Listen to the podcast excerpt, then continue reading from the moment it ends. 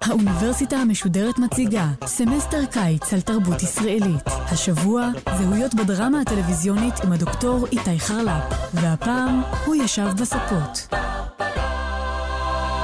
כשאדם נכנס למצוקה רגשית, מצוקה אמיתית וקשה, ולא משנה מה המקצוע שלו, אם הוא לא מטפל בזה, זה נהיה רק יותר גרוע. אתה אידיוט. אתה לא מבין. אני לא אומר שתהליך פסיכולוגי זה לא טוב. אבל אנשים רגילים. אבל שבן אדם כל החיים שלו תלויים בזה שהוא לא יחשוב, שהוא יפעל כמו מכונה, אז צריך בזהירות. מאוד בזהירות. זה לא בן אדם שמוכר ארטיק בחוף הים, כן?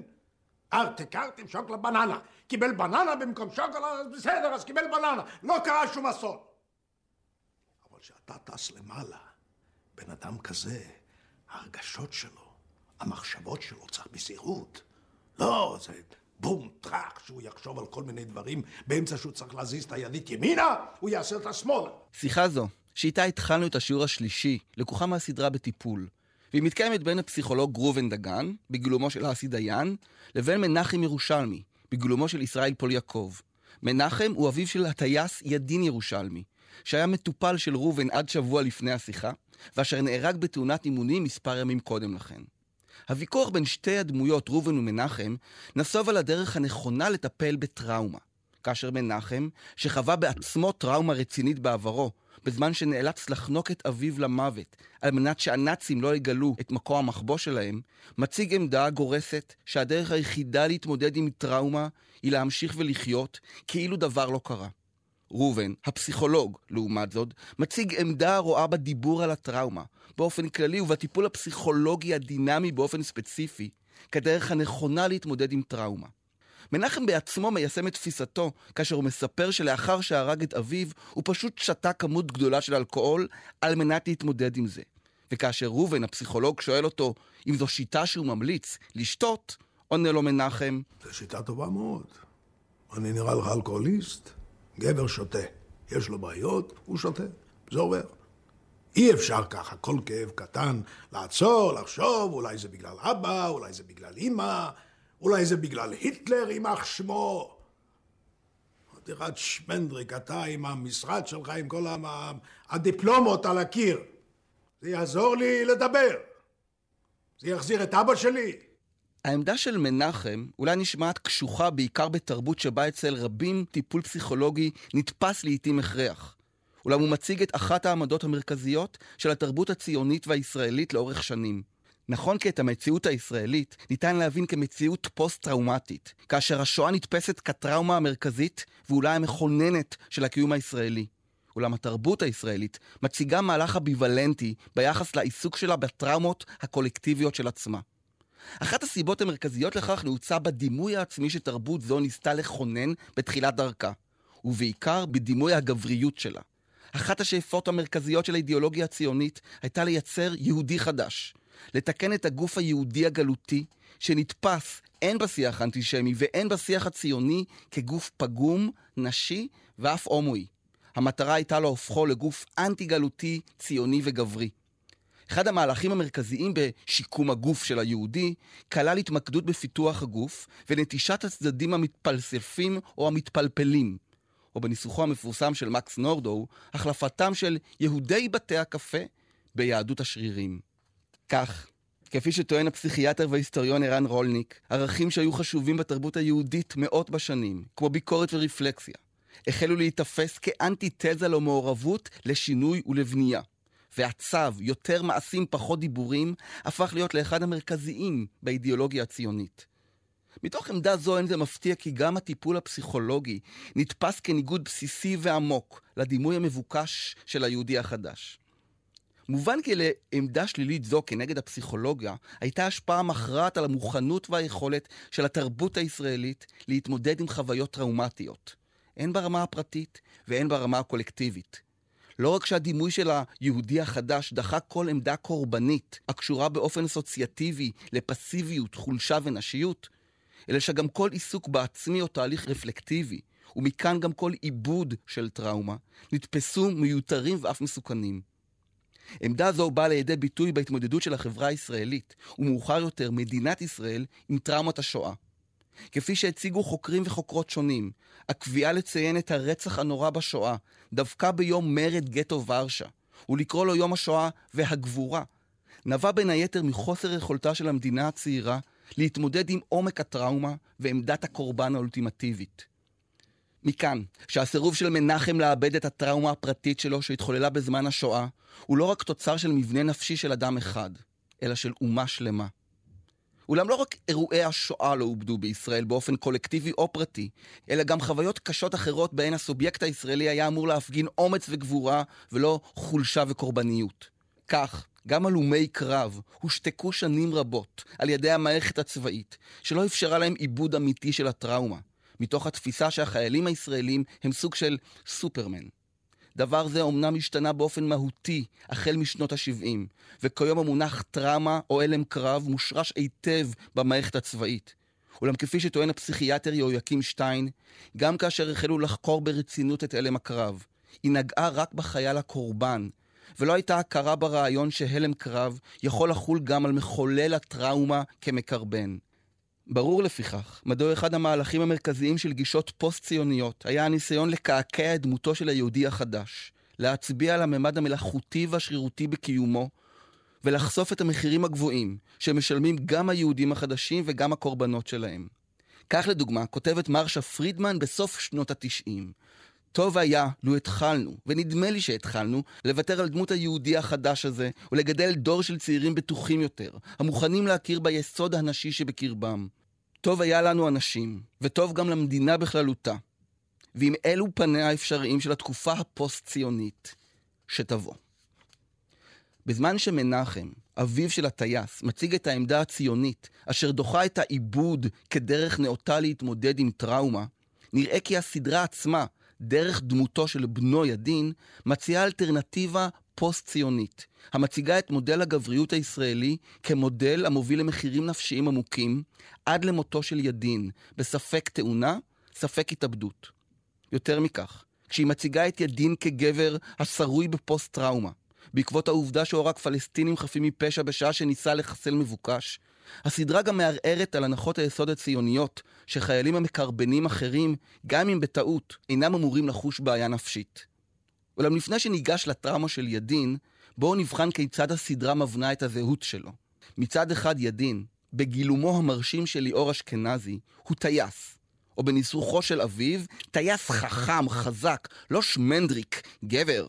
וככזה הוא מוצג כמי שהגשים בגופו ותפקידו את הפנטזיה של היהודי החדש, הצבר.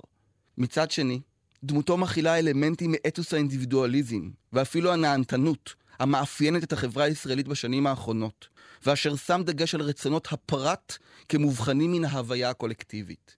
תכונה זו באה לידי ביטוי בעניינות הטעם של ידין בנוגע לקפה שהוא שותה, ובמכונת הקפה שהוא מזמין במכירה פומבית באינטרנט, וזה בזמן שיש פיגוע וכולם נצמדים לטלוויזיה כמו האבלים, בלשונו. אין זה מקרה שידין בוחר לא לצפות עם כולם בטלוויזיה, אלא בוחר באותו רגע של צפייה קולקטיבית לפנות לאינטרנט. ידין, כמו הסדרה בטיפול כולה, מסמן במובנים רבים את המעבר מצפייה קולקטיבית בטלוויזיה לצפייה אישית. הבחירה של ידין לגלוש באינטרנט בזמן שכולם נצמדים לטלוויזיה כמו האבלים, דומה במובנים רבים לבחירה של צופות וצופים רבים לראות את הסדרה בטיפול דרך ה-VOD או דרך תקליטורי ה-DVD שיצאו בשלב מאוחר יותר. ידין ירושלמי מצליח לשלב עם כך בין הישראלי הישן, או היהודי החדש, שהוא טייס גבר, לבין הישראלי החדש, או הפוסט-ציוני, המתנתק מהקולקטיב ושם דגש על צרכיו האישיים. בהקשר זה חשוב לציין כי המצב הפוסט-ציוני, בו דנתי בשיעור הקודם, איננו קשור רק לתכנים הטלוויזיוניים, אלא גם לאופני הצריכה שלהם. התרבות הפוסט-ציונית קשורה בעיני ישעיהו ליבמן לדפוסי צריכה מערביים עכשוויים ולדגש המערבי על הפרט ולא על החברה. כשהוא מקשר באופן ברור בין פוסט-מודרניזם לפוסט-ציונות, ממשיך ליבמן וכותב, הקשר בין התרבות הצרכנית והאידיאולוגיה הפוסט-ציונית נובע מהרעיון יותר נכון, מהתחושה שהפרט במהותו חופשי ממסגרת לאומית אתנית דתית, ולכן המדינה מורכבת ביסודו של דבר מאזרחים ולא מלאומים. השילוב אצל ידין בין היהודי החדש הציוני והגבר החדש הפוסט-ציוני בא לידי ביטוי גם ביחסו הביוולנטי לטיפול הפסיכולוגי. מצד אחד, כי מי שנאמן לקולקטיב ומתעל עצמו לטובת הכלל, מאמץ ידין את הנחות היסוד של האידיאולוגיה הציונית, ומביע התנגדות לטיפול הפסיכולוגי.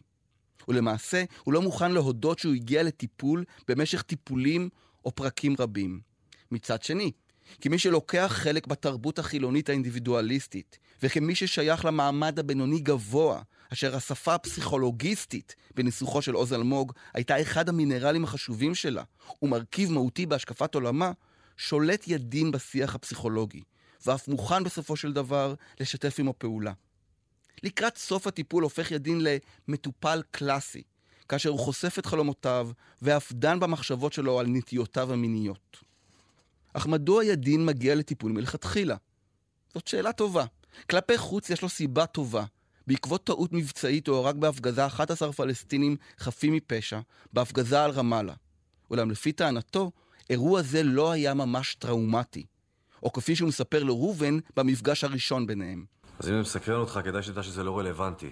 כי אחרי הפצצה כזאת, אני לא פותח טלוויזיה ולא רואה CNN. אני הולך לישון. אני מת מעייפות. עכשיו אתה בטח שואל את עצמך אם אני ישן טוב, אבל נורא לא נעים לך, נכון? אוקיי.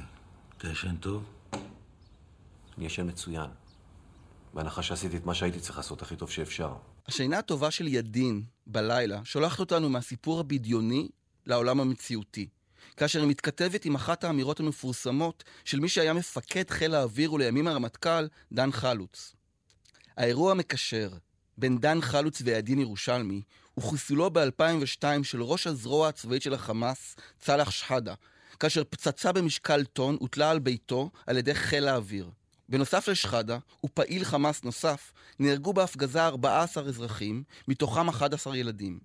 בעקבות הפעולה ותוצאותיה, פורסמו בעיתונות מודעות מחאה כנגד ההפצצה, שבאחת מהן נרשם הטייס שהטיל את הפצצה, איך אתה ישן בלילה. דן חלוץ, מפקד חיל האוויר באותם ימים, החליט להשיב לשאלה זו, ובמפגש עם אנשי הטייסת, כולל הטייס שהטיל את הפצצה, הוא אמר את הדברים הבאים: חבר'ה, תשנו טוב בלילה. גם אני אגב ישן טוב בלילה. לא אתם בוחרים את היעדים, ולא אתם בחרתם את המטרה במקרה שלפנינו. אינכם אחראים לתוכן המטרה. הביצוע שלכם היה מושלם, מעולה. לא חרגתם מילימטר ימינה או שמאלה.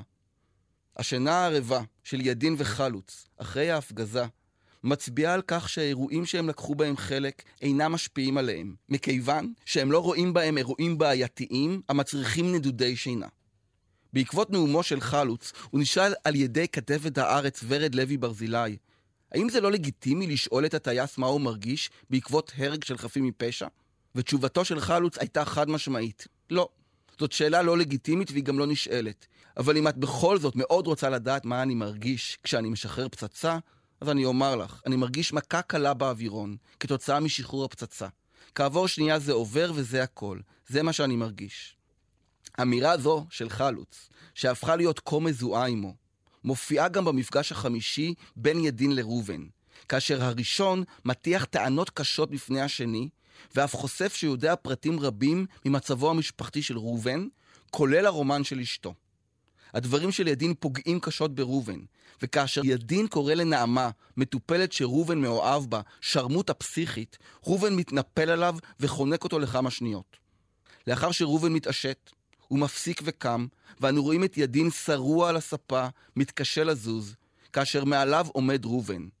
והמצלמה, שלאורך כל הסדרה נמצאת בגובה העיניים של הדמויות, מוצבת לפתע על התקרה, ומצלמת את האירוע מנקודת מבט עליונה, כאילו מנקודת מבט של מטוס. שבוע מאוחר יותר, במפגש הבא או בפרק הבא, מתקיים הדיאלוג הבא. מה הרגשת ברגע הזה, כשהתנפלתי עליך? מה הרגשתי? רעד קל בכנף, זה מה שהרגשתי. חלוץ חש מכה קלה באווירון כאשר הוא נמצא בעמדת המפציץ, ודרך התבטאות זו הוא מנסה לפסול כל אופציה לפגיעה נפשית של מי שמתקיף, או לטראומה של המקרבן. ידין, לעומת זאת, חש מכה קלה בכנף כאשר הוא היה מותקף, כאשר הוא למעשה בעמדת המופגז. רעיון שמחוזק על ידי זווית הצילום הגבוהה המאפיינת את סצנת החניקה. ידין נראה, ולו לרגע, בעמדה של הפלסטיני המופגז ממטוס. כך, דרך העתקה של דברי המתקיף, שכביכול לא מרגיש כלום, לדברי המותקף, החווה טראומה, מודה הדין בעקיפין בדבר בו הוא מסרב להודות בגלוי לאורך רוב הטיפול. הריגת חפים מפשע, גם אם בטעות, יכולה להיות חוויה טראומטית. אם מאביו הסמלי, דן חלוץ, ירש ידין את האמונה כי המקרבן לא אמור לחוש טראומה. הרי מאביו הביולוגי, מנחם, הוא ירש את האופנים להתמודד עם טראומה, כל טראומה. מנחם מסרב לדבר את הטראומה ולאבד אותה. הוא בוחר להתמודד עם אירועים טראומטיים דרך חזרה כפייתית לרגע הטראומטי, או במונח פסיכולוגי, הוא מבצע acting out, או כפי שזה תורגם לעברית, הפגן. על מנת להבין את הטענה האחרונה, יש להכיר את ההבחנה של פרויד, שאותה מפתח דומיניק לקפרה, בין הפגן לבין עיבוד. על פי פרויד, הפגן הוא מצב בו המטופל אינו נזכר באירועים טראומטיים, אלא משחזר אותם, לא כזיכרון, אלא כמעשה, וחוזר עליהם מבלי לדעת שהוא חוזר עליהם. ההפגן, במילים אחרות, מציין חוסר יכולת להתנתק מהעבר, או את נוכחותו של העבר בהווה, והוא מוביל לתהליך בו העצמי המדוכא, המייסר את עצמו, והסובל מטראומה, נרדף על ידי העבר, ועומד מול עתיד של מבואות סתומים. מנגד להפגן עומד המנגנון הבריא יותר, אליבא דה פרויד, להתמודדות עם טראומה, וזה העיבוד, אשר מציין פעולה של דיבור המובילה את האדם להבחין בין העבר וההווה, ולזכור שמשהו קרה לו, או לעמו, ובה בעת להכיר בעובדה שהוא עצמו חי כאן ועכשיו, ושעתיד צופן לו אפשרויות. החשיבות בתהליך העיבוד, על פי פרויד, היא בכך שהוא מאפשר לאדם להתאבל על האובדן. יחד עם זאת, הצגת ההפגן והעיבוד באופן דיכוטומי, כאילו לאחד אין שום משמעות טיפולית, ואילו השני מוביל לפתרון, תהיה פשטנית ולא מדויקת.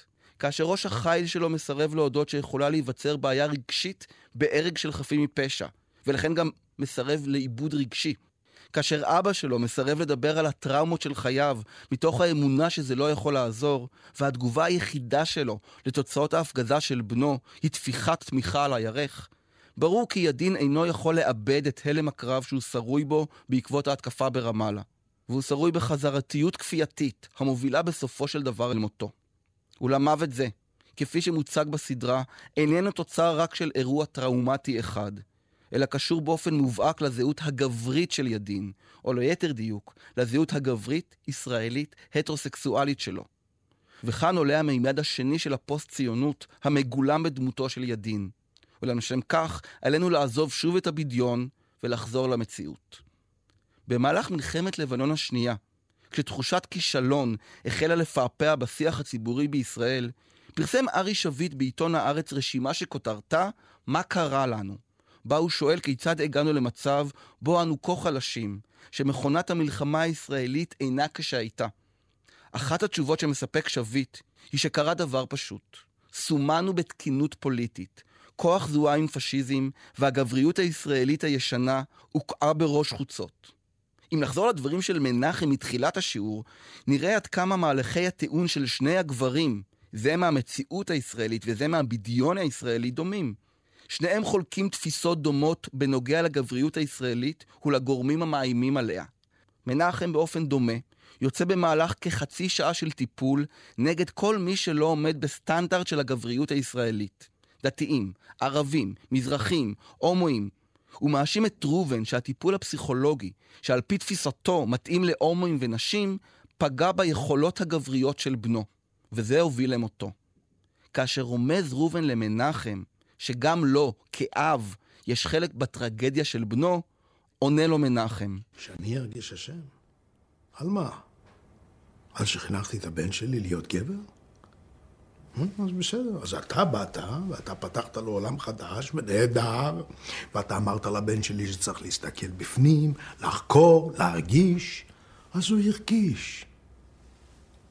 ואיפה הוא עכשיו? אה? חתיכות חתיכות מעל הים שהדגים אוכלים אותו עכשיו. הדברים של מנחם קשים, ולא ניתן לפסול אותם על הסף. אולם הסדרה בטיפול, כסדרה שאימצה בחלקה הנחות יסוד פוסט-ציוניות, לא מקבלת אותם. וזה נרמז כבר בדברים של ראובן, אשר אומר למנחם שגם לו יש אחריות למות בנו. במילים אחרות, במקום לטעון שהטיפול הוא זה שהרס את הגבריות של ידין, הסדרה רומזת, לאורך כל הדרך, שלידין היה צד נשי בזהותו, ואביו ניסה בכוח לחסל צד זה. תחושה זו עולה במיוחד בחלום שידין מתאר לקראת סוף הטיפול. חלום בו מטוס של חיל האוויר, בו ידין נמצא, רודף אחר מטוס אויב לא מזוהה. אבל במקום לחסל אותו, הוא מאפשר לו לברוח. כשראובן מנסה לברר מי נמצא במטוס הבורח, מתקיימת השיחה הבאה. זה אני? זה מה שאתה אומר, נכון? שאני הטייס אויב. אני האויב של עצמי. אולי. אולי האויב הוא חלק בך. שמצד אחד אתה רוצה למחוק את הקיום שלו, אבל אתה לא יכול, משהו מונע ממך. מה זה החלק הזה לדעתך שאתה רוצה למחוק? מי זה האויב הזה? מה אתה מרגיש כלפיו? כלפי הטייס הזה שבורח? מה אתה חושב עליו? אני חושב שהוא פחדן, מה עוד? שהוא אפס, שהוא לא גבר, שהוא בורח כמו איזה נקבה במקום להסתובב ולהילחם. שהוא חלש. שאני באמת זיין אותו, את האפס העלוב הזה, לתקוע לו טיל אוויר אוויר במבער האחורי שלו. אמנם ידין ינתח מיד את החלום כחלום הומוסקסואלי, אך ראובן דוחה פרשנות זו. הקישור שידין עושה בין חולשה לבין זהות מינית הומוסקסואלית, טוען ראובן, הוא קישור שעושה אביו, ואין חובה לקבלו. ניתן לדמיין צדדים חלשים ונשיים במרכאות גם בגבר הטרוסקסואל. נראה כי מעצם אמירות אלו דוחה ראובן, ובעקבותיו הסדרה כולה, לא רק את מסקנתו של ידין בנוגע למיניות שלו, אלא גם את תפיסת עולמם של מנחם וארי שביט, שמה שמחליש את הגבריות הישראלית זו הזהות ההומוסקסואלית והנשית הנמצאת מחוץ לסובייקט הגברי-ישראלי, לאנחנו ישראלי. ואכן, מה שהחלום חושף זה בעיקר זהות מסוכסכת עם עצמה. זהות בת צד אחד של ידין תוקף צד שני, שהוא סוג של אויב, אבל לא ממש. חלומו של ידין במילים אחרות, הוא חלום בו הוא עצמו, או הסופר אגו שלו, שעל פי פרויד הופנה מאביו, מביע תוקפנות כלפי עצמו. אבל הנקודה החשובה שיש להבהיר כאן, היא שחלומו של ידין, למרות השימוש שלו במטוסים כהתקה או מיתונימיה לאני המפוצל שלו, איננו תוצר של הטראומה שהוא חווה כמקרבן בהפגזה על רמאללה. ויסודותיו של החלום הם עמוקים ורחוקים יותר. הרי הסופר אגו שלו, הרודף אחריו בחלום, איננו תוצר של העת האחרונה, אלא של תקופת ילדותו המוקדמת, ומתוך דרישתו הקיצונית של מנחם מידין להיהפך לגבר. הפיכתו של ידין לגבר, במילים אחרות, הייתה מהלך טראומטי, שהתוצאות שלו מתגלות עשרות שנים מאוחר יותר. השליטה של הסופר אגו בידין ירושלמי היא עצומה, כך גם הדרישה ממנו לוותר על הצדדים הנשיים שלו. אך מכיוון שידין לא מצליח, לא במציאות ולא בחלום, להיפטר מהצדדים הנשיים שלו, הוא נאלץ בסופו של דבר לחסל את הצד הגברי שבו, את הסופר אגו שלו. החיסול זה משמעו מוות. ואכן ידין מוצא את מותו בתאונת אימונים המזכירה באופן מחשיד את החלום שלו. כאשר באימון הוא מתפקד כטייס האמור להפגיז טייס אויב. אך למרות שהוא פגע בו והתבקש לעזוב אותו, הוא המשיך לרדוף אחרי המטוס האויב עוד ועוד, עד לנקודה בה הוא התנגש בצוק ונהרג. אם בחלום מתאר ידין מטוס גברי, רודף אחר מטוס נשי, אך בסופו של דבר מרפה ממנו. הרי במציאות או באימון, המטוס הרודף, הגברי, לא מרפה מהמטוס הנשי, עד שבסופו של דבר הוא מתרסק בעצמו לתוך ההר. הנה כי כן, בהקצנה קריקטורית לגבורת החייל, מרסק ידין את המטוס שבחלומו מייצג את הצד הגברי, ומשאיר את המטוס הנשי לבדו בשדה הקרב. אולם האמירה כאן לא מסתכמת בדמותו של ידין ירושלמי בלבד, וגם לא באירוע האמיתי שעליו דמותו נכתבה. הוויתור על צדדים נשיים והבלטת הגבריות אינם נחלתו של ידין בלבד, אלא של התרבות הישראלית כולה, אשר בניסיון לברוח מדימוי היהודי הגלותי והנשי, פיתחה דימוי של גבריות נוקשה, כזאת שלא בוכה, לא מדברת על הטראומות שלה, ובטח לא מאבדת אותן. תרבות כזאת, אומרת הסדרה בטיפול, משלמת מחיר מאוד גבוה. האלטרנטיבה, שהיא אולי אלטרנטיבה פוסט-ציונית, היא להכיל את שני הצדדים, הנשי והגברי, ולחיות בשלום עם שניהם. Ba-da-ba-ba-ba האוניברסיטה המשודרת, סמסטר הקיץ על תרבות ישראלית. הדוקטור איתי חרל"פ שוחח על דמותו של ידין ירושלמי בסדרה בטיפול. עורכת אלמה רותם. ביצוע טכני טל חסון ודור אבידן. מפיק אייל שחר. מערכת האוניברסיטה המשודרת מאיה להט קרמן וליאור פרידמן. האוניברסיטה המשודרת, בכל זמן שתרצו, באתר וביישומון אפליקציה של גל"צ וגם בדף הפייסבוק של האוניברסיטה המשודרת.